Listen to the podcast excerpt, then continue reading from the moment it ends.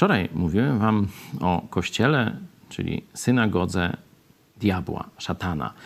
Y, ona pojawia się w drugim rozdziale Apokalipsy i w trzecim e, rozdziale. E, możecie to sobie znaleźć w Biblii.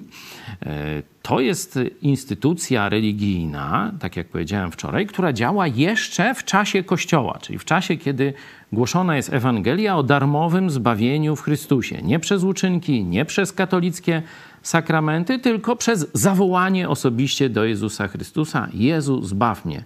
Chcę, żebyś był moim zbawicielem i moim Panem, Bogiem. To jest Ewangelia chrześcijańska, to co głosi Kościół katolicki, to jest oczywiście Ewangelia diabelska. E, I mamy tę instytucję, Kościół diabła, w czasie, kiedy funkcjonują kościoły na ziemi, które głoszą prawdziwą Ewangelię. A potem w 17 rozdziale, kiedy już jest ten czas apokalipsy, czyli czas końca, mamy wielką prostytutkę, też organizację religijną, też związaną z diabłem, też z siedzibą w Rzymie, też można powiedzieć zwodzącą narody ziemi. Czy to jest to samo?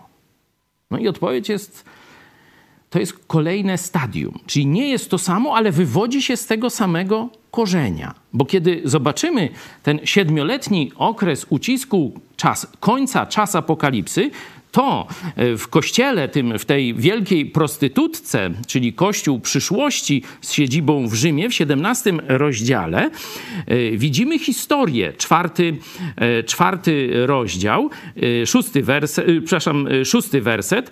I widziałem tę kobietę pijaną krwią świętych i krwią męczenników Jezusowych. Czyli jest tu cała historia, czyli synagogi szatana rozwinie się kiedyś wielka prostytutka. Tym czynnikiem łączącym będzie dodanie synagogi szatana, która chwieje się przed końcem. Zobaczcie sobie trzeci rozdział, werset dziewiąty. Zaczynają jacyś ludzie odchodzić z tej synagogi do kościołów biblijnych. Ona dostanie nadprzyrodzoną moc i w czasie apokalipsy już odgrywa tę rolę najpotężniejszego, praktycznie monopolu religijnego nad całym światem.